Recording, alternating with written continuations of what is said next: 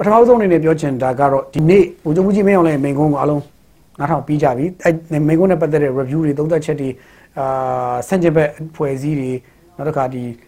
ထောက်သူ့ကိုထောက်ခံသူများတွေသူ့ကိုမထောက်ခံသူများတွေအကုန်လုံးရဲ့အဲသုံးသက်ချက်တွေမျိုးစုံတော့ဒီနေ့လောက်ဆိုရင်တော့ဖတ်ပြီးပြီတော်တော်လေးဖတ်ပြီးလောက်ပြီထင်ပါတယ်ကျွန်တော်ရုပ်သံကြည့်ပြီးအချိန်လောက်ဆိုရင်အားလုံးဖတ်ပြီးလောက်ပြီထင်ပါတယ်ဒီနိုင်ငံကျွန်တော်တို့တိုင်နိုင်ငံအသည့်အတိုင်းပဲပညာရှိဟိုကိုဝိအကျော်အကျော်မော်တွေသိများတာများတဲ့အခါကျတော့ရှုထောင်မျိုးစုံပုံစံမျိုးစုံအတွေးခေါ်မျိုးစုံနဲ့သုံးသက်ကြတယ်ပေါ့ဗျာဒါပေမဲ့ ခါတော့မစင်သားနိုင်တဲ့အချက်တစ်ချက်ကျွန်တော်ပြောပြမယ်မစင်သားမိတဲ့အချက်လေးတစ်ချက်ပေါ့အဲဒီပြောပြခြင်းတယ်အာဘာလဲဆိုတော့ဘုရားကြီးမင်းအောင်လိုက်မိန်ကုန်းကိုဝိုင်းဝန်းသုံးသက်နေကြတဲ့နောက်တစ်ခါဆန့်ကျင်ဘက်ရှုထောင်ပြောအစိုးမြင့်ရှုထောင်အကောင်းမြင့်ရှုထောင်အပြူသဘောဆောင်တဲ့ရှုထောင်ရှုထောင်မျိုးစုံကနေသုံးသက်ပြီးစိတ်ဝင်တစားကြည်နေကြတဲ့စိတ်ဝင်စားကြည်ပြီးစိတ်ဝင်စားဘာဖြစ်မှလဲဘာဖြစ်မှလဲဘာဖြစ်မှလဲအဲလိုက်ပါဖြစ်နေတဲ့လူတန်းစားကဒီနိုင်ငံမှာကျွန်တော်ပွင့်လင်းပြောမယ်နော်30%မရှိဘူး နိုင်ငံတန်း90ကျော်ရဲ့30%မရှိဘူးတန်း90ရဲ့30%ဆိုမှ15တန်းပဲရှိနော်အဲ30%ဆို3ကလေး15အိပေါ့နော်15တန်းပဲရှိတယ်အများဆုံးအဲ့ဒါပဲမပူဘူးမပူဘူးလုံးဝမပူဘူးဘာလို့ဆိုတချို့တွေကအဲ့ဒါကိုစိတ်ဝင်မစားဘူးစိတ်မဝင်စားဘူးဘာလို့လူတိုင်းစိတ်ဝင်စားတယ်ဘာလို့ဆိုဟိုကျွန်တော်တို့ကျေးလက်ဒေတာနယ်ဒေတာတိုးဒေတာတချို့တွေဟာဆိုတိတ်ကိုမသိသေးဘူးအဲ့အကြောင်းတိတ်ကိုမသိသေးဘူးကျေးလက်ဒေတာတွေမပြောနဲ့ကြည့်ရန်ကုန်လိုမြို့ကြီးမှာတော့တခုတကယ်ဟိုထင်ရှားကြော်ကြတဲ့ဟိုဘယ်လိုနိုင်ငံရေးသမားတွေလူသိများတဲ့ပုံကိုယ်တွေသူတို့တွေတောင်မှပဲ အဲ့ဦးမင်းအောင်လိုင်းကြီးရဲ့မိန်ကွန်းကြီးကိုမသိဘူးပြောပြီးသွားတာတော့ဘာပြောသွားတာလဲဆိုတော့သူတို့မသိဘူးဘာပြောတော့လဲပြောပြောပါအောင်ဆိုတော့မေးတယ်လူကရှိသေးတယ်ကျွန်တော်ဆက်သွယ်တဲ့အချိန်မှာအဲ့လိုရှိသေးတယ်အဲ့ဒါကြောင့်ခင်ဗျာကျွန်တော်ရိုးလေးပြောရရင်ဒီနေ့24နာရီအတွင်းမှာတော့ဦးမင်းအောင်လိုင်းရဲ့မိန်ကုန်းကိုတနိုင်ငံလုံးကတန်း90ကျော်သောပြည်သူတွေစိတ်ဝင်စားပါသလားမေးမဝင်စားဘူးဗျဒီ Facebook ပေါ်မှာဒါအုံအုံထားနေကြတာပဲရှိတာအဲ့တော့တကယ်ပြင်ပလူမှုဘဝထဲမှာမရှိဘူးဗျအဲ့ကြောင့်တခါကျရင်ကျွန်တော်တိုင်းပြည်ကလည်းထူတော့ထူးဆန်းတယ်ဗျကျွန်တော်တိုင်းပြည်ကကျွန်တော်တိုင်းပြည်လူလူတွေတော်တော်ထူးဆန်းတယ် ကျွန်တော်တိုင်းပြည်မှာရှိတဲ့ပြည်သူတွေတော်တော်ထူးဆန်းတယ်အဲတချို့သိနေတဲ့အကြောင်းအကြရင်အုံထွန်းဖုံကွမ်းတဲ့သိဖို့လူသိသိရမယ်အစားအဲတတော်နဲ့ခီးမြောက်မရောက်ဘူးပေါ့ဗျာမသိဖို့မလိုဘူးတိုင်းပြည်ရိုးရိုးရိုးရိုးရုံဖြစ်မယ်အိုးအိုးဖြစ်မယ်တိုင်းပြည်မှာတခါတည်းဟိုစူးစူးဘူးတွေဖြစ်ကြမယ်ဆိုရင်တော့အဲသိတယ်ဗျာမြန်သလားမမေးနဲ့ခင်ဗျာကျွန်တော်တို့တော့မသိခင်မှာတို့ကသိနေပြီဆိုတော့နည်းနည်းတော့ဒီတိုင်းပြည်ကလူတွေကထူးဆန်းနေဗျာသူတို့သိချင်တာကြာရင်လေအုံခွန်းဖုံတိုင်းနဲ့စက္ကန့်မှလည်းသိတယ်အဲမသိချင်တဲ့အရာကြာရင်လေဘာမှကိုမသိတော့ဘူး အဲ့လိုဖြစ်တော့အော်လူဒီတိုင်းပြည်ကနည်းနည်းတော့ထူးတော့ထူးဆန်းတဲ့အတိုင်းပြည်လို့တော့ကျွန်တော်အရင်ဆုံးအဲ့ဒါတော့ပြောချင်တယ်ဘာလို့တကယ်လည်းထူးဆန်းနေတယ်ဗျာနော်အာဒီဘုရားဘူးကြီးမင်းအောင်လိုက်မိန်ကုန်းလည်းအားလုံးဝိုင်းဝန်းသုံးသက်သုံးသက်ကြတယ်လေအများကြီးကျွန်တော်တွေ့ရပါတယ်အဲတွေ့သုံးသက်နေတဲ့လူတွေတွေ့တယ်နောက်တစ်ခါဆန့်ကျင်ဘက်အတိုက်ခံဖွဲ့စည်းတွေလည်းပြောနေကြတာရှိတယ်ဥပမာ KNU ဆိုစပြီးထုတ်ပြောလာပြီ KNU ဘက်က Professor Tani ဆိုရင်ဒါပြောရေးဆိုခွင့်ရှိသူဆိုတဲ့လူကလည်းသူကလည်းထုတ်ပြောလာပြီပုံနဲ့ပြောရင်တော့သူတို့ထုတ်ပြောမဲ့စကားတွေကတော့ကျွန်တော်တော့အဲ့ဒနဌာနတွေထုတ်ပြောမဲ့ဟာတွေကျွန်တော်ဒနဌာနသူတို့ ထုတ်ပြောတဲ့ဒနဌာနတွေစကားတွေကိုတော့ကျွန်တော်သွားပြီးတော့မကြည့်တော့ဘူးဒါပေမဲ့သူတို့ထုတ်ပြောနိုင်ချေရှိတဲ့စကားကိုကျွန်တော်ရိုးရိုးလေးပြောရင်ဦးမြောင်လိုင်းရဲ့ဟာစိတ်စေတနာမှန်ဖို့လိုတယ်အရင်တော့လည်းခက်ဆက်ဆက်ပြောခဲ့ပြီးသွားပြီပဲဒါမျိုးတွေကိုဟိုလုံးလို့ရှိရင်သူတို့ဘက်ကစစ်တပ်ကနိုင်ငံရေးတွေကထွက်ကိုထွက်ရမယ်မထွက်ဖက်နဲ့တော့ကျွန်တော်တို့မဆွေးနွေးနိုင်ဘူးဆိုတော့အဲဒါမျိုးတွေသူတို့ပြောမဲ့သဘောပဲကျွန်တော်ကျန်တဲ့တိုင်းသားလက်နက်ကင်ဖွဲ့စည်းတော့ဘာပြောမှထင်လဲမီဒီယာဝိုင်းမေးဘယ်လိုရှိမှထင်တယ်လဲအဲသိကြတယ်ခုနအဲ့လိုရှင့်လဲလျှောက်တာပြောလဲဆိုတော့ဟိုလိုလိုဒီလိုလိုဝေးဝိုက်လက်ပတ်ပြီးဒီလိုဖြေနေတော့မှလိုရင်းမရဘူးတေချာပေါ့လိုရင်းမရှိဘူး အဲသိကြတယ်အဲအဲ့တော့ဟိုလိုရင်းမဖြေဘူးပေါ့ဗျာဆိုလိုတာလိုရင်းမဖြေဘဲနဲ့ဝေးဝိုက်နေမှာအဲ့တော့စစ်တပ်ကနိုင်ငံရေးထွက်ဖို့လိုရဆိုရင်အဲ့ဒီတိုင်းသားလက်နက်ကိုင် EOS အဖွဲ့လေသူတို့နိုင်ငံရေးထွက်မှရမှာစစ်တပ်ကနိုင်ငံရေးထွက်ရမှာဆိုရင်သူတို့လည်းတနက်ကင်ထားတာဖြစ်တယ်သူတို့လည်းထွက်မှရမှာဘာသူတို့တနက်ကင်ထားတာလေစစ်တပ်ကလည်းတနက်ကင်ထားတာလေအဲ့တော့နိုင်ငံရေးထွက်မှာဆိုရင်တနက်ကင်ထားကောအကုန်ထွက်ရှင်းရှင်းလေးတနက်ကင်ထားကောတကောင်းမှမပါနဲ့တကောင်းမှမပါဘဲနဲ့နိုင်ငံရေးသမားစစ်စစ်တွေဆွေးနွေးကြတခါလက်နက်ကင်အင်အားစုတွေကိုဘယ်လိုမျိုးပေါင်းဆက်မလဲဆိုတော့ဆွေးနွေးကြအဲ့လိုလုပ်ရမှာဒါပေမဲ့ စစ်တပ်ကပဲနိုင်ငံရေးထွက်ခိုင်းတာသူတို့ကမထွက်ဘူးစစ်တပ်ကပဲမင်းတို့ကဘိုးဖဲဒီဖဲပြောတာသူတို့မဖဲဘူးကြီးတော့ကြီးဖို့ကောင်းတယ်ဒီနိုင်ငံမှာစစ်တပ်ကြတော့ဖဲခိုင်းတယ်ဟိုကျွန်တော်တို့သူတို့ကိုယ်တိုင်ကမဖဲဘူးပြန်ကြည့်ဘယ်လိုပြန်လိုက်ကြည့်လိုက်အဲကျွန်တော်ပြန်ကြည့်လိုက်တော့အော်အေးစစ်တပ်ကတော့မင်းတို့ဖဲခိုင်းတယ်ဖဲတယ်ဆိုတာနှစ်ဖက်စလုံးလုံးမရမှာလေတစ်ဖက်ကပဲရမှာလေဗျတစ်ဖက်တည်းဆိုရင်ခင်ဗျာဘတော်မှမပြီးဘူးဘတော်မှမဆုံးဘူးနှစ်ဖက်စလုံးကနှစ်ဖက်စလုံးကနောက်ဆုံးမှရမှာတစ်ဖက်တည်းဆိုရင်လည်းပြီးသွားတယ်ပြီးသွားတဲ့ဟိုတိုက်ပွဲလို့တော့ပြီးသွားတဲ့နိုင်ငံလှပတဲ့အခင်းချင်းဆိုတာကဘာမှဘယ်မှမရှိခဲ့ဘူး သိကြတာနှစ်ဖက်စလုံးကရှော့မရနှစ်ဖက်စလုံးကဖဲမရမှာနှစ်ဖက်စလုံးကဇာတူစဉ်းစားမှရမှာအားကြီးရင်အားကြီးတဲ့သူကပိုပြီးရှော့ပေးရဆိုလိုမျိုးအားငယ်တဲ့သူကအားငယ်တဲ့သူတို့ကလည်းရှော့ပေးရရှိတယ်နှစ်ဖက်ဇာတူရှော့မှရမှာဇာတူမရှော့ဘဲနဲ့တော့ခင်ဗျာဇာတူမလျှော့ဘဲနဲ့တော့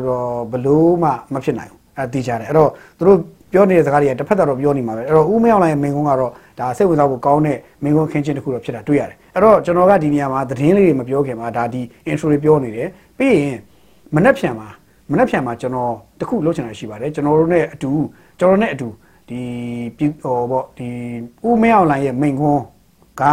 ဘာကိုယူရနေတာလဲဆိုတာကိုကျွန်တော်တို့ကျွန်တော်နဲ့အတူဝိုင်းဝန်းသုံးသပ်ဆွေးနွေးဖို့အတွက်ကျွန်တော်အဲဖိတ်ခေါ်ခြင်းတယ်မနေ့ပြန်ဆွေးနွေးခြင်းတယ်ကျွန်တော်အခုဒီနေ့ရုပ်သံအောက်မှာပါဝင်ဆွေးနွေးခြင်းတဲ့သူတွေအနေနဲ့အဲကျွန်တော်ရှိကျွန်တော်ရဲ့ကျွန်တော်ရဲ့ MP News email ကိုဖြစ်စေအဲ့ဒီအောက်မှာ comment ပေးပြီးတော့ email link ချထားခြင်းဖြစ်စေချခဲ့ပေးပါကျွန်တော်ထပ်ပြောပါမယ်မနေ့ပြန်ကျွန်တော်တို့ဆွေးနွေးမယ် ကျွန်တော်အပါဝင်ဒီကျွန်တော်တို့ဒီမှာရှိကျွန်တော်တို့ကျွန်တော်နဲ့ရင်ဘတ်ချင်းတူတူများအာအကုန်လုံးပေါ့နော်နားထောင်ယူလာတော့ကျွန်တော်မကြိုက်ပါဘူးဘာလို့ဆိုတော့နားထောင်ယူလာတာတော့ခင်ဗျားတို့ဟို Zoom meeting ထဲမှာလူများတာအဖက်တွေပွဲမစီဘူးကျွန်တော်တို့ကဆွေးနွေးချင်တာအဲ့တော့ကျွန်တော်ထပ်ပြောရမယ်နားထောင်ဖို့လာတာတော့မလာပါနဲ့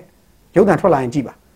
ဆွေးနွေးဖို့လာမှာဆိုရင်ကျွန်တော်ဖိတ်ခေါ်ပါမယ်ဆွေးနွေးစီချင်ပါတယ်ကျွန်တော်ဆွေးနွေးကြည့်ကြရအောင်ဆွေးနွေးပြီးတော့ဥမရောက်လိုင်းကဘာကိုရည်ညွှန်းတာလဲအဲ့ဒါလို့သူ့ရည်ညွှန်းချက်ကအောင်မြင်မှာလားမအောင်မြင်ဘူးလား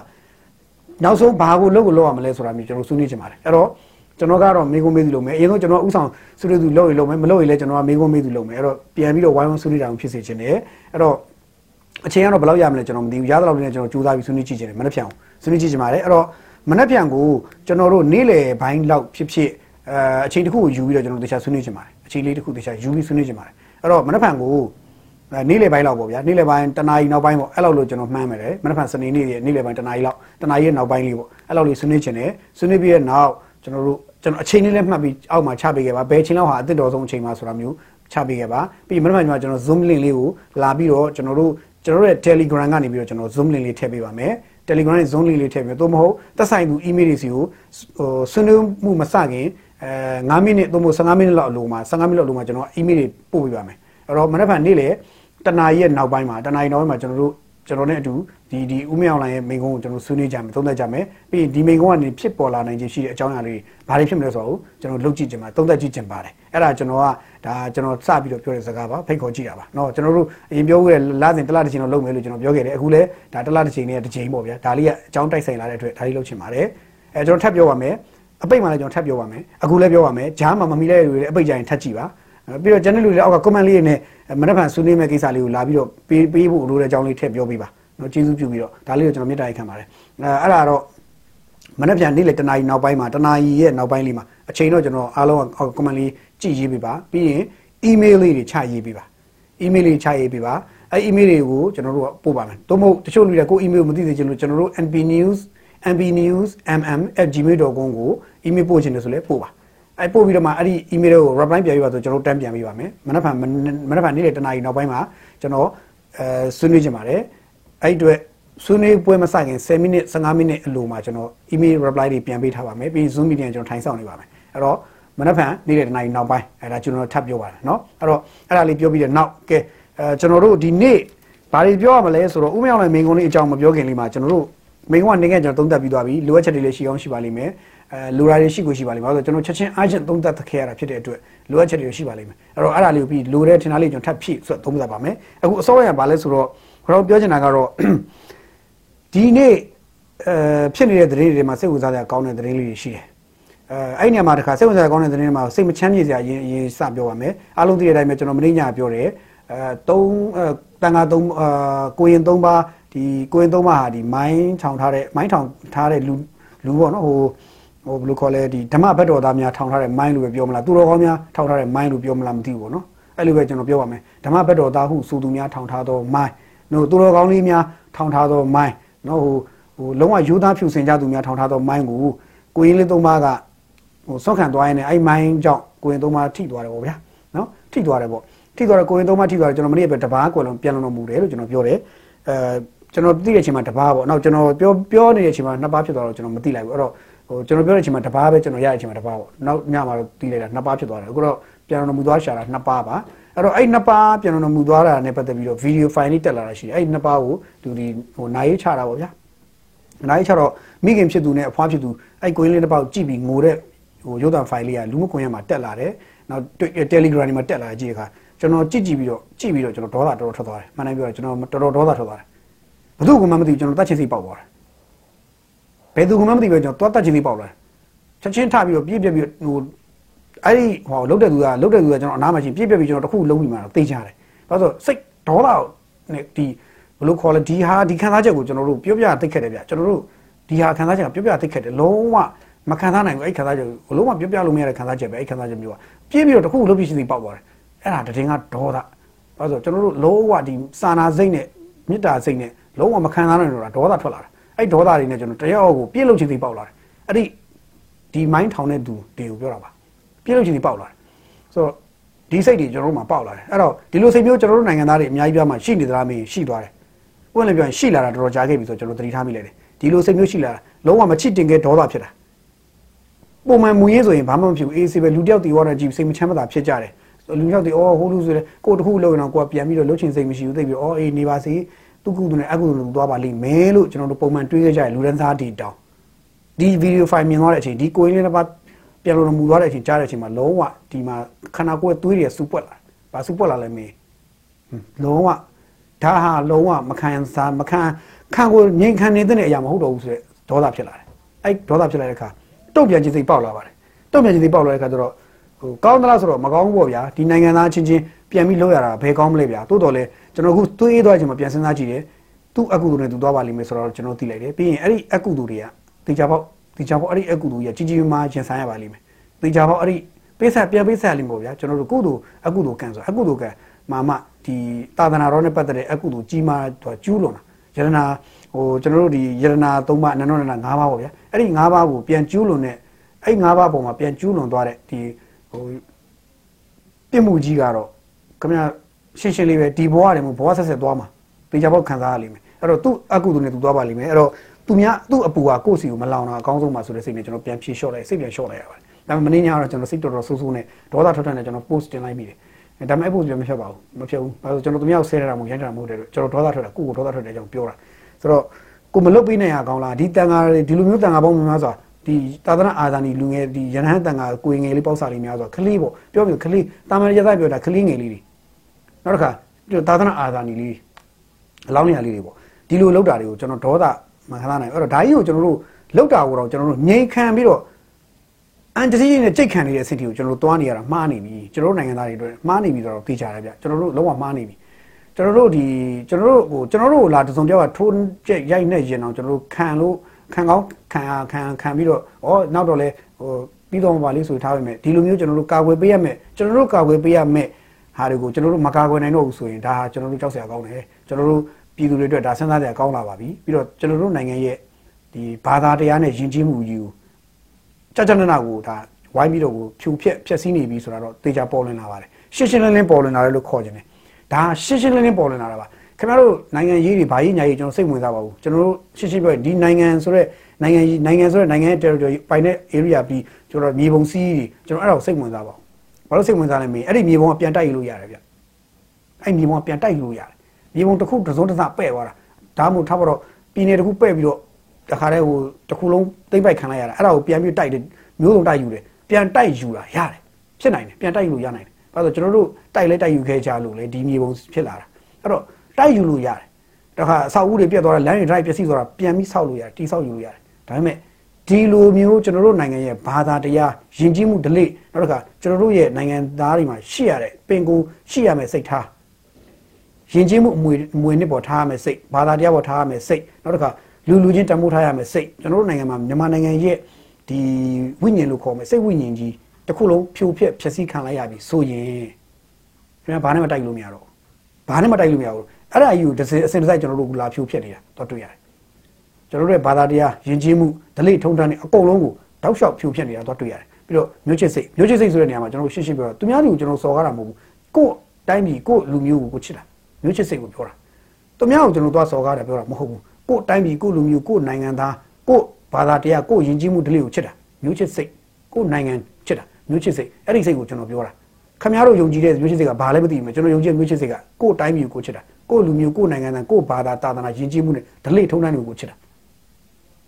ကို့အဲ့ဒီအရာအလုံးကိုထိခိုက်စော်ကားလိုက်ရင်ကို့အသားကိုလာဖဲ့တယ်လို့ခံစားပြီးတော့ဒေါသထွက်ပြီးတော့ပြန်ပြီးတော့ကျွန်တော်တို့ကတုံ့ပြန်တင်တာကိုပြန်တုံ့ပြန်တာတုံ့ပြန်တင်သလောက်ပြန်တုံ့ပြန်တာအဲ့ဒါမျိုးချစ်စိတ်လို့ကျွန်တော်ခံယူရတာဒီလောက်ကျွန်တော်တို့မျိုးချစ်စိတ်တွေသာသနာကျွန်တော်တို့ဘာသာသာသနာယဉ်ကျေးမှုဒလိထုံးတန်းတွေကိုဒီလောက်ဖြိုဖျက်ဖျက်ဆီးနေတာကိုငြိမ်ခံနေရတဲ့အထိကျွန်တော်တို့နိုင်ငံသားတွေအကုန်လုံးအကုန်ကြပြီလားကျွန်တော်နိုင်ငံသားတွေအကုန်လွဲကုန်ပြီလားဆိုတော့ကျွန်တော်အမြဲတမ်းဒီမိကုန်းပဲကျွန်တော်ထပ်မိတာတော်တော်လွဲကုန်ပြီလို့ပဲကျွန်တော်ပြောချင်တယ်အဲ့တော့အဲ့ဒါကိုပဲတစ်ခါကာဝယ်ဆောက်ရှောက်ရမယ့် society ရှိတယ် တက်မတော်ဆို society ရှိတယ်နောက်တစ်ခါပါတီစုဖွဲ့ရှိတယ်နိုင်ငံရေးသမားတွေပါတီစုဖွဲ့ရှိတယ်နောက်တစ်ခါမျိုးပြမှာရှိတယ်မျိုးမျိုးတွေလူထုရွာမှာရှိတယ်ရွာရဲ့လူထု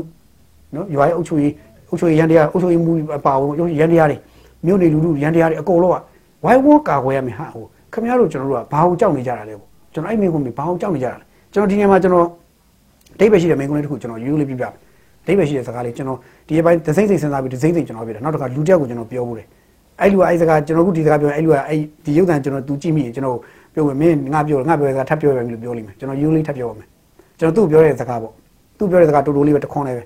လူတို့ရှင်းပြောတယ်ဆရာပါလဲလို့ဆရာ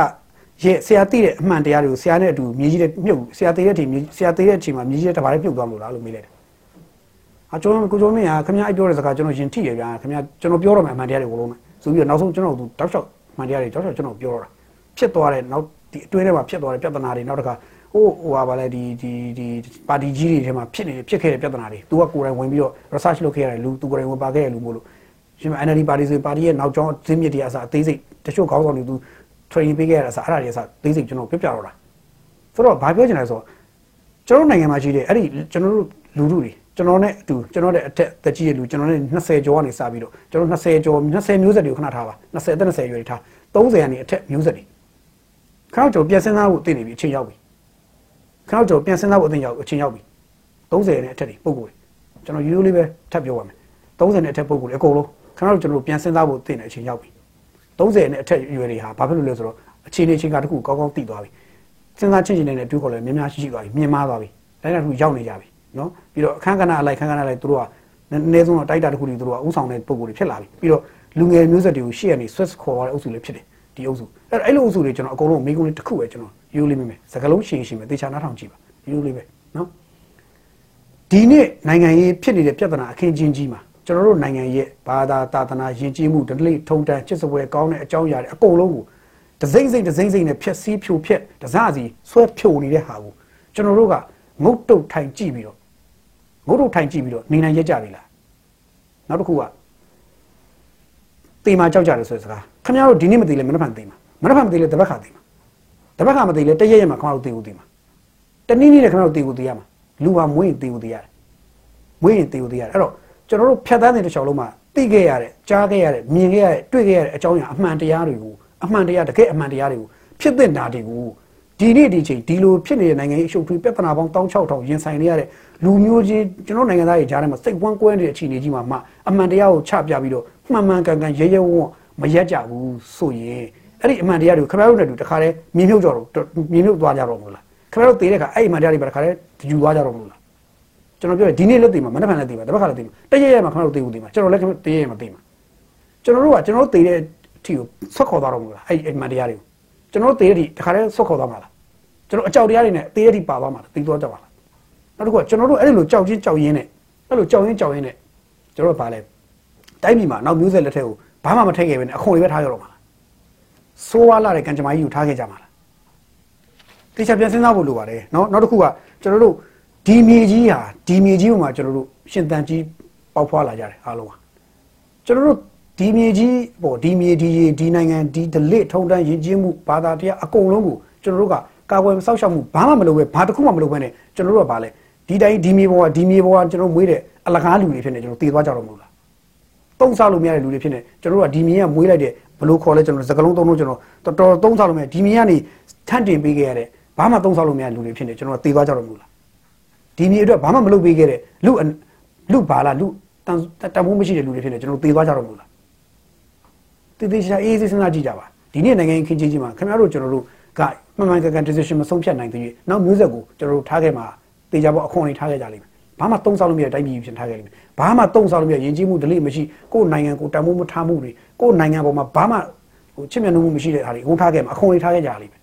ရုပ်ဝတ္ထုတွေပဲထားခဲ့ပြီးတော့စိတ်ပိုင်းဆိုင်ရာဘာမှမထားခဲ့နိုင်တဲ့တိုင်းပြည်ဖြစ်သွားလိမ့်မယ်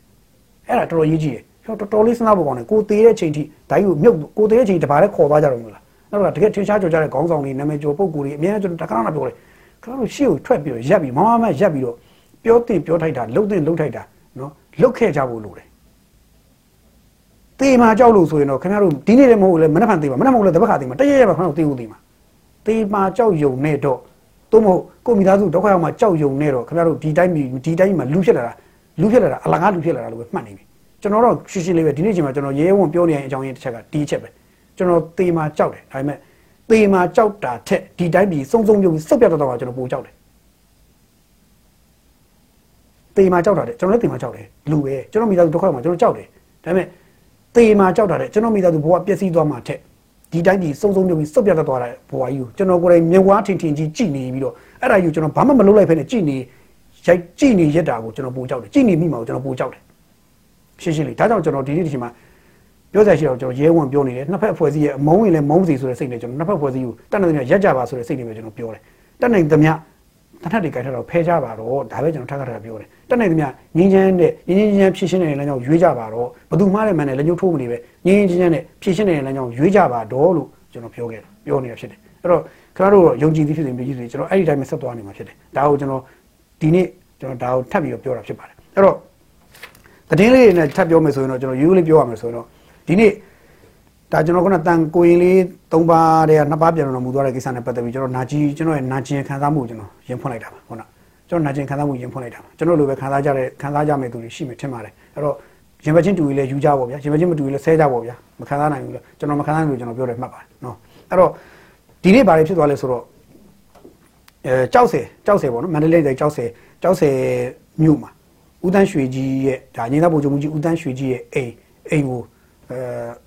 ဘုံပြစ်သွားတာတွေ့ရတယ်ဆိုတော့အဲ့ဘုံပြစ်သွားတဲ့ video file ကိုကျွန်တော်တို့တွေ့ရတယ်ပေါ့နော်အဲ့တော့ဟိုကြောက်ဆယ်မြို့မှာရှိတဲ့စူကုံရက်ွက်မှာကြောက်ဆယ်မြို့စူကုံရက်ွက်မှာရှိတဲ့ဒီဥတန်းရွှေကြီးမနေတဲ့အိမ်ဥတန်းရွှေလုံးဝမနေဘူးဥတန်းရွှေကြီးကြီးအဲဘယ်တွေကမနေလဲလို့မေးသူတကယ်ဟိုရာလူကြီးတွေစားရပြီဆိုလွန်ခဲ့တဲ့ကျွန်တော်ထင်တယ်နှစ်30လောက်တည်းကမနေသလား3-40လောက်တည်းကမနေသလားတော့မသိတော့ဘူးသူအလဲပြန်တော့အလဲပြန်တဲ့အခါတော့တောင်းပါပဲနေရသလားမသိတော့ဘူးဗျာအဲ့တော့သူ့အိမ်တော့သူ့အိမ်ဒါပေမဲ့ तू မနေတော့ तू မနေတာ10စုနှစ်များစွာချီကြိုက်ပြီးတဲ့အိမ်အဲ့ဒီအိမ်ကိုသွားပြီးတော့ ဘုံပစ်တယ်ဘုံသွားပစ်တယ်ပေါ့ဗျာဘုံပစ်တယ်ပစ်တဲ့ဟာကိုဗီဒီယိုဖိုင်ကျွန်တော်ကြည့်လိုက်တဲ့အခါကျတော့ခဏသုံးသက်ကြည့်ဗီဒီယိုရှုထောင်လေးစဉ်းစားကြည့်ဗီဒီယိုလေးစဉ်းစားကြည့်ဗီဒီယိုဖိုင်ကျွန်တော်ကြည့်တဲ့အခါကျတော့စိုက်ကယ်စီးလာတဲ့လူအင်ကြီးအကွက်ကလေးနဲ့အင်ကြီးကွက်လေးနဲ့နီးကြောင်ကြောင်ကွက်လေးနီးသလိုကကျွန်တော်အယောင်နဲ့ပတ်သက်ပြောရတယ်ပြောတတ်တယ်နည်းနည်းဟောပဲအဲနီးသလိုလိုဖြူနီးနီးကြောင်နီးဖြူကွက်လေးပေါ့ဗျာနီးအောင်နဲ့မပြဘူးပြလိမ္မော်ရောင်လိုလိုပါလို့ကွက်နဲ့စိုက်ကယ်မောင်းတဲ့တယောက်ကရှေ့မောင်းတယ်သူ့နောက်ကထိုင်လိုက်တဲ့တယောက်ကဖုန်းနဲ့ ဓာတ်ပုံဗီဒီယိုရိုက်တယ်ရိုက်ရင်းနဲ့လက်ထက်ကပါတဲ့ပုံကိုပြစ်ခဲ့တယ်ပြီးတော့ပြစ်ပြီးတဲ့နောက်အတကုံမောင်းပြေးတာပုံမှန်မောင်းတော့ဖြည်းဖြည်းဖြည်းမောင်းလာတယ်ပြစ်လဲပြီးတော့အတကုံမောင်းပြေးတာပြန်ကြည့်လိုက်အဲ့ဗီဒီယိုပဲကြည့်လိုက်တွေ့လိမ့်မယ်တစ်ချက်ချင်းပြန်ကြည့်တစ်ချက်ချင်းပြန်ကြည့်အဲ့တော့ပုံမှန်ဖြည်းဖြည်းမောင်းလာတော့သူအိမ်ရှိတဲ့နေရာတွေကြော်သွားမှဆိုလို့ဖြည်းဖြည်းမောင်းလာတယ်လက်မှာဖြည်းဖြည်းဖွက်ပြီးယူလာတယ်ပြီးတဲ့နောက်သူကအချင်းချင်းရှိုးတယ်စိုက်ကဲလွတ်ဟိုဖြစ်ပြီးဆိုတဲ့အချိန်လေးကြောက်တော့အဲ့အိမ်ရှိရပြီလို့ဆိုတော့လက်ထက်ကပုံဖုတ်ပြစ်ပြီးတော့တခါတည်းရှေ့ရကောင်အတကုံမောင်းလာဘူးဆိုမောင်းသွားတာပြီးတော့ဖုန်းဖုန်းဖုန်းပိတ်လိုက်တယ် ဆိုတော့ဒီဖြစ်စဉ်ကိုကျွန်တော်ကြည့်ချင်းအဖြစ်ဒါကဘာလုပ်တာလဲဆိုတဲ့မိကုံးလေးစရှိပြီပေါ့။ဘာဖြစ်လို့ဒီလိုလုပ်ပြီးတော့ဒီလိုလုပ်တာလဲ။ဘာကိုယူတာလဲဆိုတဲ့မိကုံးပေါ့နော်။ဆိုတော့ဘာယူလဲဆိုတော့အဲတစ်ချက်ကอืมဦးတန်းရွှေရဲ့မိသားစုကိုပါသွားပြီးချင်းချောက်လိုက်တယ်ဆိုတဲ့အထိပဲပေါ့။နော်တစ်ချက်ကတော့တကယ်ဆိုရင်သူတို့ဦးတန်းရွှေကြီးလည်းမနေတော့တဲ့အတွက်သွားပြစ်ကောဘာထူးကြမှာလဲဆိုဘာထူးကြဘာမှမထူးကြဘူးသူတို့လည်းဘာမှခံမလုပ်နိုင်တဲ့ခြံဝင်းကိုခင်းနဲ့သွားပေါက်တော့ခြံဝင်းကဘာမှပြောမဟုတ်ဘူးအဲ့ခြံဝင်းက ဟိုအဲ့ဒီဂိတ်မှာလုံခြုံရေးဆောင်တဲ့လူရှိတယ်ဘာညာပြောလေလုံခြုံရေးဟွာတွေလည်းထိပဲပုံမပေါ်ထိလည်းဦးတန်းရွှေထိအောင်မဟုတ်တာဗျာဦးတန်းရွှေရမှာအနေစားမပြဘူးနေပြီးတော့မှ6လုံးနဲ့မှခင်ဗျားတို့ပြစ်ချင်အဲ့လိုသွားပြစ်6လုံးနဲ့သွားပြစ်တယ်နေအဲ့မှာကြောက်ကြောက်ဆယ်သွားပြစ်မယ်ဆို6လုံးနဲ့သွားပြစ်ရမှာတကယ်တော့6လုံးနဲ့မှသွားပြီးကြက်ကြက်နောက်တခါတည်းဟိုဟောလိဝုဒ်ကားများကဲ့သို့တခါတည်းစီးပြီးတော့ကြက်ကြက်နောက်လေးဝင်စီးပြီးတော့တခါတည်းမင်းလားဟဲ့ဆိုပြီးအဲ့လိုလုပ်လေအဲ့လိုလုပ်လေမန်ရီအဲ့လိုလုပ်ရမှာလို့နော်မန်ရီအလုံးအဲ့လိုလုပ်ရမှာမလုပ်ဘဲနဲ့ကဟိုကဘာမှလည်းပြန်မမဖြစ်နေနဲ့အုတ်နေကြီးသွားပြီးတော့ဘုံနေပြတော့အုတ်နေကြီးကထိုင်မဲ့ငိုရတော့လို့ရီပဲရအောင်လို့ အဲငါအုတ်နေလာပြတော့ဦးတန်းရွှေကပြုံးတော့ဦးတန်းရွှေဘာမှတော့မပြုတ်သိအောင်မသိဘူးအဲ့တော့ပြစ်လိုက်တော့ပြစ်လိုက်တာတော့ဟုတ်ပြီဦးတန်းရွှေကြီးတို့ကအဲ့အတွက်ကြောက်သွားမှလားလို့မေးတယ်မကြောက်ဘူး6လုံးနဲ့မှနေရလေနေပြီးတော့ကြောက်လဲကြောက်မှာမဟုတ်ဘူးမင်းတို့ပြစ်တာပြုံးကြည့်နော်ရီပါမင်းတို့ကောင်ကွာဘာကောင်လုံးပြောအဲ့လိုဖြစ်မှသေးကြတယ်ဟိုဘာကောင်လေးလဲကွာဒီကောင်အဲ့လိုဖြစ်သွားမှာဦးတန်းရွှေဟမ်ဟိုဘာကောင်လေးလဲကွာအဲ့လိုဖြစ်သွားမှာနော်အဲ့တော့ဟုတ်ပြီဒီဗီဒီယိုဖိုင်ကိုဘာလို့သူတို့ရိုက်တင်တာလဲဆိုတဲ့အထိပဲတကယ်တော့သူတို့ပြင်ဒီဗီဒီယိုဖိုင်ရိုက်တာလိုလို့လားလို့ ခင်ဗျားဆိုရင်လုံပါလားဗီဒီယိုဖိုင်ဘာလို့ရိုက်တာတော့ရည်ရွယ်ချက်ကဘာလဲစဉ်းစားကြည့်ပြန်တွေးကြည့်ဗီဒီယိုဖိုင်ဘာလို့ရိုက်တာလဲဆိုတော့မေးခွန်းပေါ့ဘာလို့ရိုက်လဲဆိုတော့ကျွန်တော်တို့ဦးတန်းရွှေအိမ်ကိုလုံခြံခဲ့ပါတယ်ဆိုတဲ့တက်တေထောက်ထားပြချင်တာဘသူ့ကိုပြတာလဲဘသူ့ကိုပြတာလဲပြည်သူတွေကိုပြတာလားတက်ဆိုင်ရာပါပြတာရှင်းရှင်းလေးသူတို့ကိုထောက်ခံတဲ့ပြည်သူတွေလည်းပြချင်တယ်နောက်တစ်ခုကအခြားသောသူတို့ကိုထောက်ပံ့မဲ့သူတွေလည်းပြချင်တယ်ကဲကျွန်တော်ရှင်းရှင်းလေးပဲပြောလိုက်ပြီထောက်ခံတဲ့သူလည်းပြချင်တယ်ထောက်ပံ့မဲ့သူလည်းပြချင်တယ်အဲဒါကြောင့်သူတို့ကဒါပြစ်ခဲ့ကြောင်းကြိုက်တယ်သူတို့ပြစ်လိုက်လို့ဘာမှမထူးခြားဘူးဆိုတော့သူတို့သိတယ်အဲ့ဒီလူမျိုးဆုံးသိတယ် အာကံမကောင်းရင်သူတို့ဘာဖန်ခံရမယ်ဆိုတော့သူတို့သိတယ်ကံမကောင်းရင်သူတို့ရပိုင်းတွင်ဖန်ခံရမယ်ဆိုတော့သူတို့သိတယ်တိတိနဲ့သူတို့ဗီဒီယိုရိုက်တယ်ပြစ်တယ်ပြီးပြေးတယ်အတုံမောင်းပြေးတာပြေးတာမှအတုံမောင်းပြေးတာနော်လီဘာဝူးဆိုဖွဲကိုပြေးသွားတာဆိုတော့အာဘာမှမထူးခြားဘူးပေါ့ဗျာဟိုရလက်ကပြောမယ်ဆိုရလက်ရပြောမယ်ဆိုရင်သူတို့ mission ကအောင်မြင်တယ်လို့ဘယ်လိုပြောလဲတော့ကျွန်တော်မသိဘူးဘယ်လိုအောင်မြင်လဲတော့ကျွန်တော်မသိဘူး mission အောင်မြင်တယ်လို့သူတို့ပြောမလားတော့မသိဘူးဒါ mission အောင်မြင်တယ်ပြောရင်တော့ကျွန်တော်တို့ပြုံးမယ်ပြုံးကြည့်မယ်ဘာလို့ဆိုတော့ဘယ်သူမှမထိခိုက်ဘယ်သူမှဥတန်းရွှေလည်းမဥတန်းရွှေရဲ့နေသားမှမပြတ်တဲ့ကိစ္စဘယ်လိုအောင်မြင်တယ်ပြောမှလဲပေါ့ဗျာ တခုတော့ရှိတာသူတို့ mission အောင်မြင်တယ်ဆိုတာသူတို့ထောက်ပတ်မဲ့ပတ်စံထောက်ပတ်မဲ့သူကအေးမင်းတို့ဒါလုပ်ခဲ့တယ်မလားအေးရောမင်းတို့မင်းနေသားကဘယ်လိုရောက်ဘယ်လောက်အဲ့ဒါတော့ဖြစ်ရင်ဖြစ်လိမ့်မယ်ဒါပဲဖြစ်မယ်ကျန်တော့ခိုင်းလို့ဗျာသွားလုပ်တယ်ဗျာပတ်စံရတယ်ဗျာဒါပဲပြီးပြီအဲ့လောက်ပဲဆိုတော့အဲ့လောက်ပဲသဘောတော့တွေ့ရတယ်ဆိုတော့အဲ့ဒါဥတန်းရွှေကြီးကကြည့်ပြီးတော့အေးမင်းတို့အားလို့ဟုတ်လားဟမ်မင်းတို့အဲ့လို့တယ်လားဟမ်ငါ့ဘိုးဘောတယ်ဟုတ်လားဘယ်ကောင်ပြစ်တာရောက်နေငါပြန်လာရမလားကွာအဲ့တော့ဇလန်ရှုပ်ကုန်မှာ ကြည်လို့နော်ငါပြန်လာရမလားကွာဆိုမှရှုပ်ကုန်မှာဇလန်နော်တို့ကသူအေးစေးသွားပြီးတော့မှအေးစေးသူကသူအေးစေးသွားပြီးတော့ဟိုတိုင်းပြည်ကိုမပေးခြင်းလဲရရတဲ့နဲ့ပေးခဲ့ပြီးတော့အေးစေးစာသွားဖတ်နေတာနော်စာအုပ်ပိတ်ပြီးတော့ရောက်နေငါပြန်လာမလားကွာဆိုတော့မှအင်းကျွန်တော်တို့ကြည့်တယ်ငါပြန်လာမလားကွာဆိုတော့မှအမလက်ရှိရှိတဲ့ဟိုဦးမင်းအောင်လိုင်းကြီးပါကောင်းကောင်းမလေးရဘွားရောက်မှာအကုန်လုံးငါနဲ့ကြိုက်တော့ခံရဘွားရောက်လိမ့်မယ်ကြည့်လေလောက်ကြအောင်ဦးသားရွှေရဲ့ brain ကိုခင်ဗျားတို့ short တွေ့ရင် ခံရလိမ့်မယ်ဦးသားရွှေရဲ့ brain ကို short တွေ့ရင်ခင်ဗျားတို့ခံရလိမ့်မယ်ဦးသားရွှေကဒီနိုင်ငံမှာခင်ဗျားတို့ကျွန်တော်ရိုးလေးပြောလိုက်မယ်ခင်ဗျားတို့တခါအဲ့လိုပြောရင်ဦးသားရွှေဘောမှာလည်းပြောဦးမယ်ဗျာပြောလေပြောပြမနိုင်ဘူးဒါပေမဲ့ဦးသားရွှေ brain ကိုတကယ်ဒီ level ကိုနိုင်ငံရေး level တခုရောက်လာတဲ့လူတိုင်းကတော့အခုချိန်မှာပြန်ပြီးကောက်ချက်ချတာတစ်ချက်တည်းပဲဦးသားရွှေ brain ဒီတီတီပီစီတီတီပေါ်ပေါ်လောလောတကောင်းမဟုတ်ဘူးဆိုတော့သိသွားပြီလုံးဝဦးတန်းရွှေရဲ့ brain ဒီခင်ဗျာယူခါလောက်အောင်ဒီတိုင်းမျိုးယူခါလောက်အောင်ဒီလိုဆွက်ကင်လှုပ်နိုင်နေဆိုတော့သူတို့ကောင်းကောင်းသိတယ်အဲအဲ့ဒါရှိရှိဒေါအောင်ဆက်သူကြီးတော့ဦး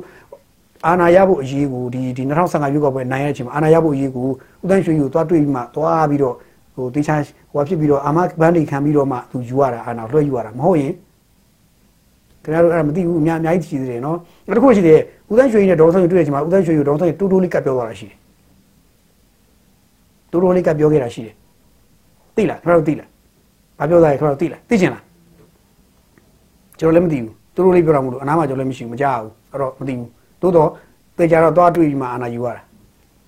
အဲရှင်းရှင်းလေးအဲ့တော့ဦးတန်းရွှေကြီးရဲ့ဟွာကခင်ဗျားတို့သွားပြီးလုပ်မယ်ဆိုရင်တော့ကြည်လို့အဲ့ဒါကြည်လို့ငါဟဲ့အောင်နေဆိုပြီးတော့ဒီမှာစာဖတ်နေနေဟွန်း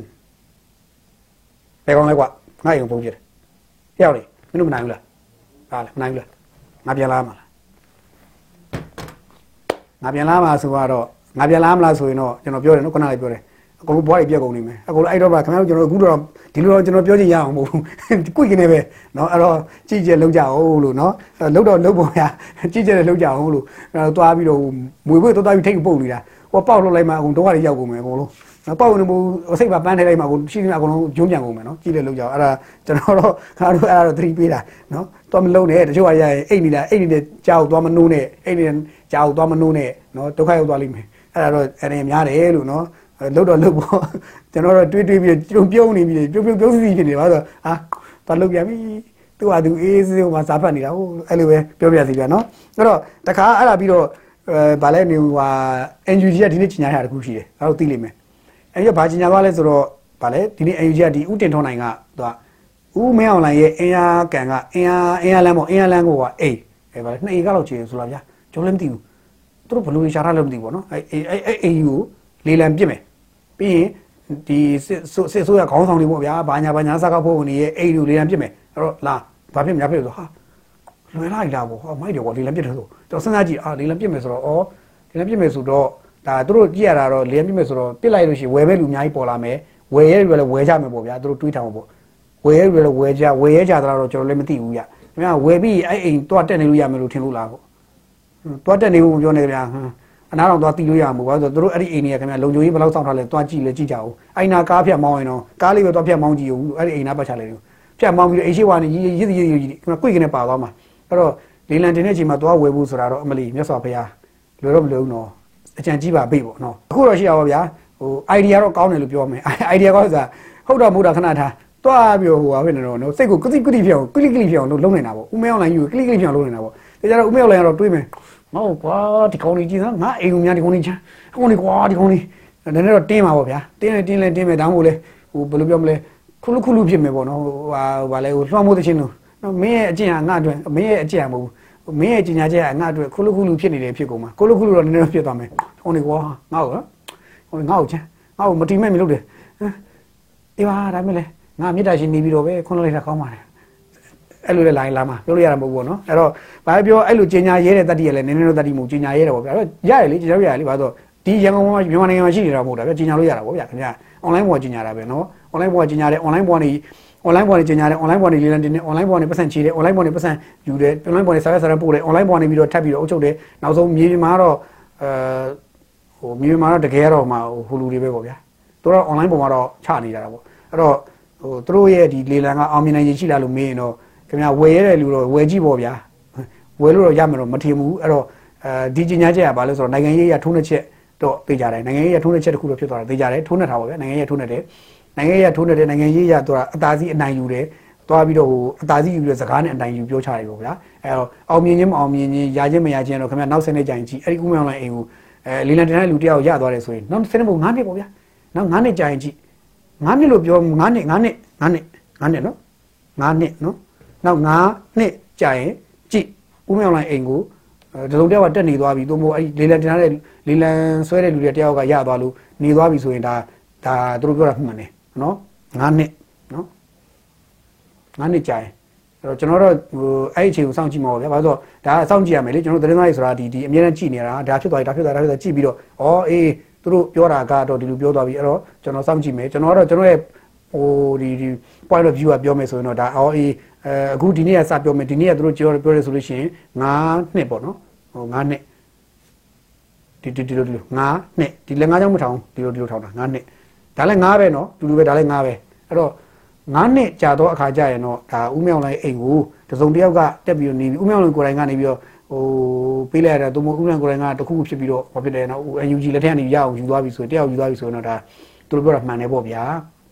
အဲ့တော့စောင့်တာကြည့်ပေါ့ဗျာခင်ဗျားတို့လည်းမသိသေးဘူးမလားကျွန်တော်လည်းမသိသေးဘူးလို့ထင်တာပဲအဲ့တော့စောင့်ကြည့်ကြတာပေါ့ဗျာမသိမချင်းစောင့်ကြည့်ကြတာပေါ့နော်ဘာလို့ဆိုဟိုဘာပြောတချို့ဟာတွေကဒီနေ့ပြောတဲ့စကားနောက်10နှစ်15နှစ်နှစ်20နှစ်100နှစ်1000ကျွန်တော်ပြောနည်းနည်းများပါတယ်နော်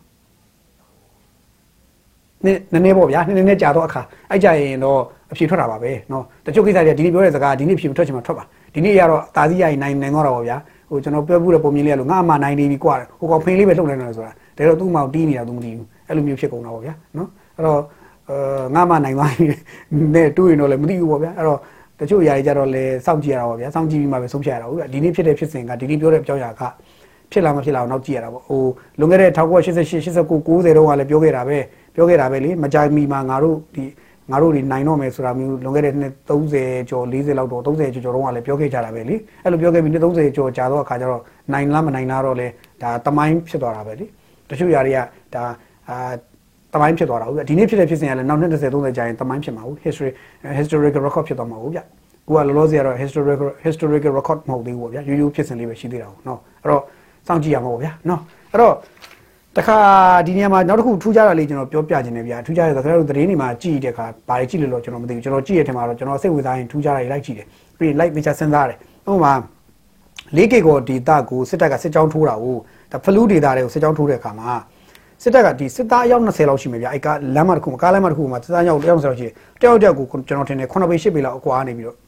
လမ်းလျှောက်သွားပြီးစစ်ကြောင်းနဲ့သွားနေဟာအပေါ်ကနေ drone နဲ့ရိုက်ထားတာကော်ဘရာဖွဲ့ကနေ drone ရိုက်ထားကော်ဘရာဖွဲ့ဆိုတာဒီ၄ကီကိုဒေတာမှာကျင်းနေလှုပ်ရှားနေတဲ့ကော်ဘရာဖွဲ့နေပြီး drone နဲ့ရိုက်တာအပေါ်က drone ရိုက်တာကျွန်တော်ထင်တယ်ပေး9000လောက်မြင်မလားမသိဘူး3000နဲ့9000အဲ့လောက်မြင်မယ်အဲ့လောက်မြင်ရင် drone ရိုက်တာဆိုအပေါ်မော့ကြီးဘာမှမြင်ရတော့ဘူးဗျမော့ကြီး drone man တော့မသိတော့ဘူးဘာလို့ကျွန်တော်အပေါ်မော့ကြီးလို့မြင်နိုင်တာပေး1000လောက်ကိုပဲမျိုးလုံးတော့မြင်နိုင်တာလေပေး1000မရှိပါဘူးဗျာပေး 300လောက်ကိုပဲကျွန်တော်400လောက်ကိုမြင်နိုင်တာအဲ့အပေါ်ရဲ့1000လောက်အထက်ကိုဆိုရင်တော့မမြင်နိုင်တော့ဘူးလေအဲ့တော့ drone နဲ့သူကအပေါ်ကနေပြန်ပြီးတော့ဇုံအောင်ဆွဲလိုက်ပြီးတော့ပြရည်သေးတယ်အဲ့ဟိုစစ်ကြောင်းထိုးတဲ့စစ်သားတွေဟိုတွားနေတာဟိုသူက drone နဲ့ကြည့်တယ် cobra ဖွဲ့ကြည့်တယ်ဆိုတော့ဟာ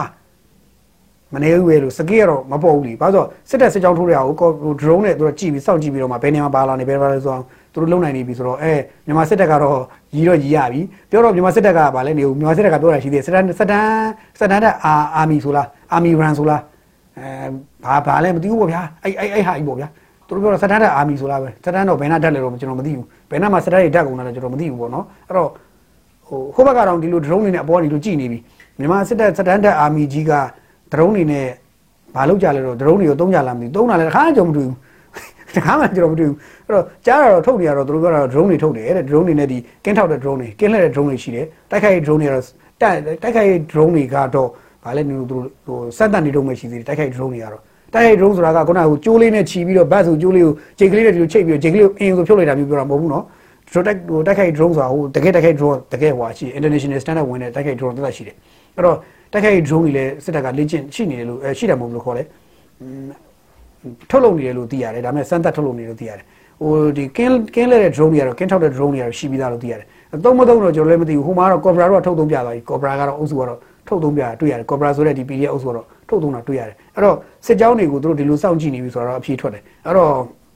ဘာပြောစစ်တပ်ကစစ်ကြောင်းတွေအနေနဲ့ကတော့ဟိုဗာလဲကျွန်တော်တို့ဟိုပြောရင်တော့ရှေ့ကိုသွားကြည့်လေရှေ့ရှေ့ကြောကလည်းမလုံးနောက်ကြည့်တော့နောက်ကြောကလည်းမလုံးဘေးကြောလည်းဘေးကြောကမလုံး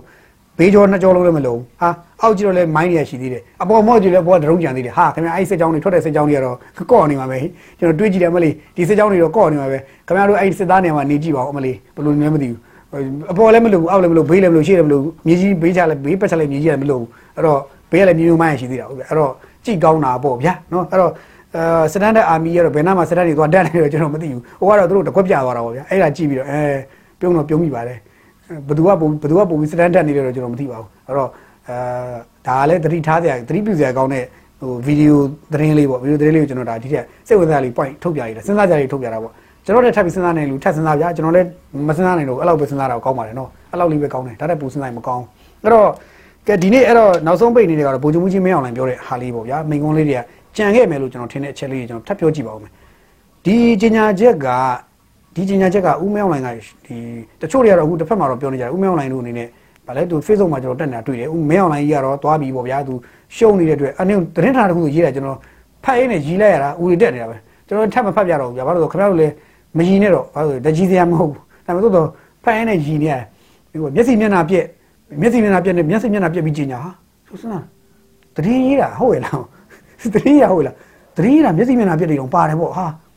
လုံးဝမြင်ကွင်းတွေကိုပါတခါတည်းပေါ်ရေးတာကျွန်တော်သူ့ရဲ့ပုံပြီးရေးပြခြင်းတယ်အခုကြပြောခြင်းတယ်ဦးမေအောင်လိုင်းကြီးကဒီမင်းကုန်းကျင်ရတဲ့အချိန်မှာမျက်စိမျက်နှာပြက်ပြီးတော့ခန္ဓာကိုယ်အမူအရာတွေတုံတုံတုံတုံဒီလိုတုံပြီးတော့ဒီလိုတုံပြီးတော့ပြီးလို့သေးတွေပါထွက်ကြပြီးတော့ငိုငိုတော့မဲ့ပုံစံလေးပြောပါတာဗျနော်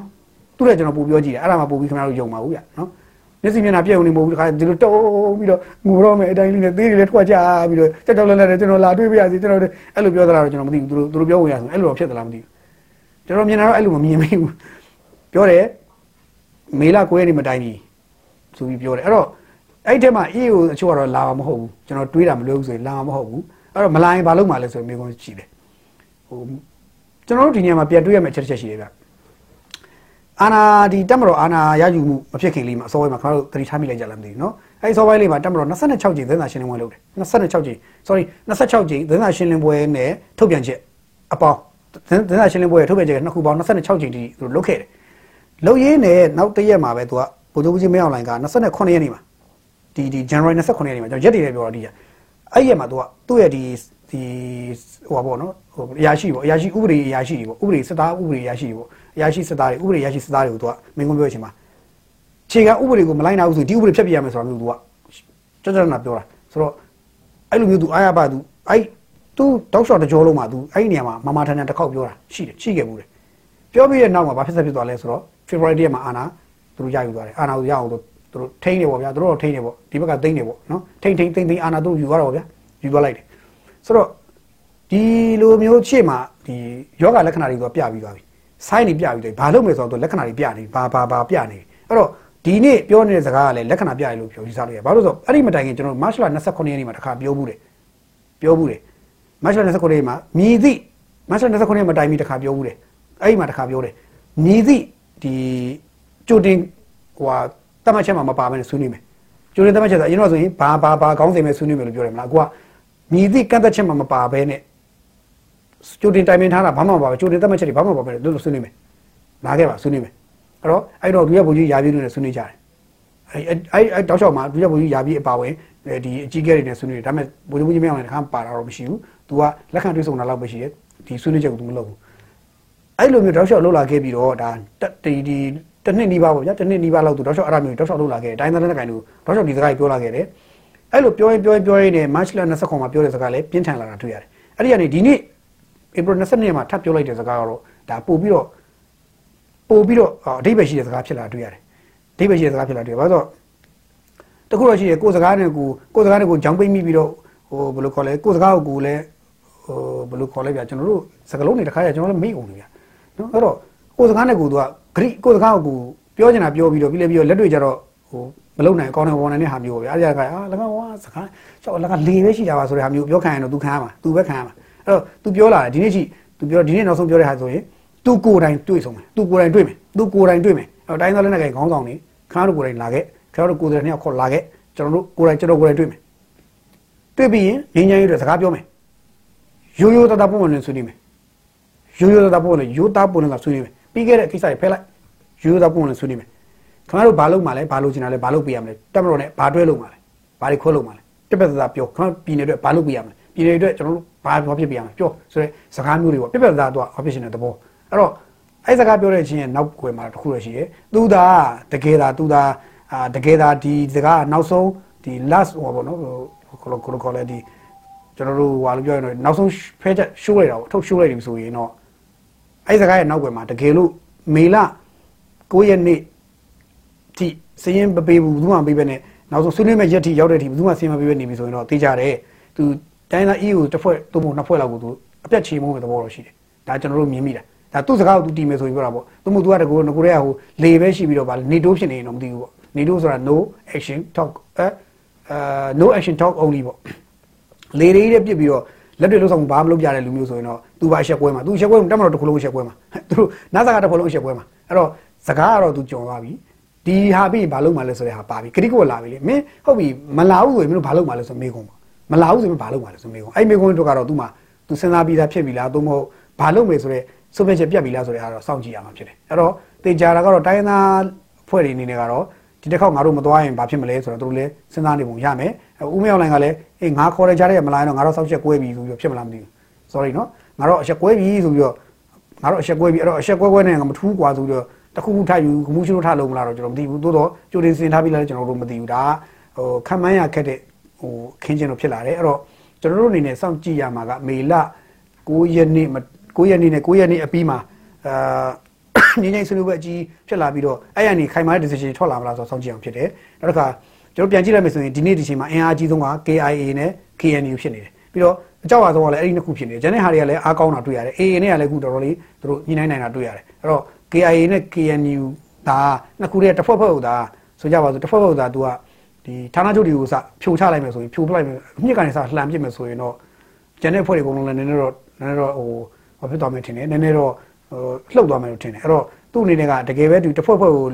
သင်္ကန်းသာပေးတဲ့နဲ့မထူးဆိုပြီးအပြုတ်ဆော်ထုတ်မလားဆိုတဲ့ဟာမျိုးကျွန်တော်စောင့်ကြည့်ရမှာဖြစ်တယ်အဲ့လိုမျိုးပဲနဲ့သူလေကြီးပဲပြစ်မယ်ဆိုရင်တော့ကိုလေးအိုးလိုပဲထပ်နာမည်ကြီးမှာပေါ့ဗျာเนาะအရင်ကတော့ဘာခေါ်လဲသူ့ကိုခေါ်တယ်ကိုသိန်းအေးနောက်တော့မြစ်တာရှင်နေပြီးတော့ဟိုဖះတကာကြီးမျိုးစုံသူ့ခေါ်နေကြတယ်အေးဒီတစ်ခေါက် ပြီးသွားလို့မှဘာမှမထူးဆိုရင်တော့သူ့ကိုလေးအိုးကြီးပေါ့ဗျာကိုလေးအိုးကြီးဖြစ်ပြီးတော့သူ့ကိုနောက်ဆုံးကျတော့ဘာဖြစ်လဲဆိုတော့သူ့စစ်တပ်ကတက်ကတက်ကောင်းဆောင်တွေလည်းသူ့မလီမသားဖြစ်လာတော့မယ်သူ့အောက်ကကောင်းဆောင်တွေလည်းမလီမသားဖြစ်လာတော့မယ်နောက်တစ်ခါသူ့ရဲ့စစ်သားတွေအစားသူ့မယုံကြည်ဖြစ်လာတော့မယ်အဲ့လိုပဲသူ့ဟိုအာကုကျင်ပါတယ်ဆိုတဲ့ပါတီရဲ့အစားအကုန်လုံးမယုံကြည်ဖြစ်လာမယ်နောက်တစ်ခါသူ့ကိုထောက်ခံချင်ပါတယ်ဆိုတဲ့ပြည်သူတွေကလည်းသူ့ကိုဟာလကဒီလူနားပါတော့ကွာလေးဖြစ်ကုန်တော့မယ်အဲ့တော့သိကြတယ်သူဒီ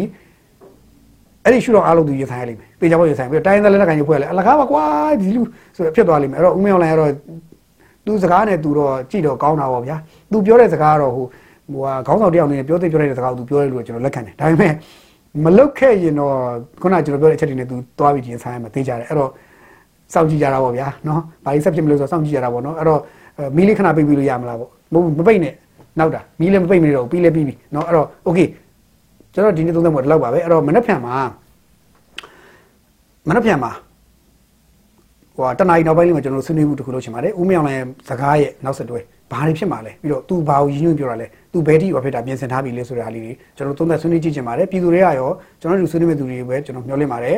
ဆွေးနွေးပဲကျွန်တော်လိုချင်ပါတယ်ဟိုနားထောင်ယုံလေးတော့မလာပါရမလာပါနဲ့ကြာတော့ကျွန်တော်မြစ်တာရိုက်ခဲ့ပါတယ်ဘာလို့ဆိုတော့နားထောင်တာကတော့ကျွန်တော်လည်းကြောက်တယ်ဗျဘာမှမသိရဘူးနားမခေါင်ပါနဲ့ဆွေးနွေးကြတာမှကောင်းပါတယ်ဆွေးနွေးပြီးတော့မှကျွန်တော်တို့ရဲ့ ကျွန်တော်တို့နဲ့ကျွန်တော်နဲ့ပြည်သူတွေဆွေးနွေးပြီးတော့ဝိုင်းဆွေးနွေးပြီးတော့ကျွန်တော်တို့ရဲ့ဂျင်မတ်တူတွေဆွေးနွေးပြီးတော့ဒီရုပ်တံကိုတက်ဆိုင်ရာအဖွဲ့အစည်းအားလုံးမြင်ပြီးသွားလို့သူတို့ကိုယ်တိုင်စဉ်းစားမှုတစ်ခုရသွားတယ်ဆိုလဲဒါကျွန်တော်တို့ကောင်းတဲ့ရလဒ်လေးတစ်ခုထွက်သွားနိုင်လဲကျွန်တော်တို့ဝိုင်းတွန်းပေးခဲ့တယ်လို့ပြောလို့ရတာပါဗျာအသေးတဲ့ပွင့်ဖြစ်နေပါခဲ့တယ်အုတ်တစ်ချက်ဖြစ်နေပါခဲ့တယ်ဆိုတာမျိုးဖြစ်တာပါဗျာအဲ့တော့ဘာပြောကျွန်တော်တို့မနက်ဖြန်တနားရီတော့ဆွေးနွေးကြပါမယ်အီးမေးလ်လေးတွေအောက်မှာ comment ရေးခဲ့ရေးခဲ့ပါသို့မဟုတ်အဲဆွေးနွေးပွဲတက်မယ်အီးမေးလ်လေးရေးခဲ့တာလုပ်ပါသို့မဟုတ်อืมဘာလဲဆိုတော့သို့မဟုတ်ကျွန်တော် email ကျွန်တော်တို့ရဲ့ email ကိုတိုက်ရိုက်ပို့ပါသို့မဟုတ်ဒီကျွန်တော်တို့ဒီ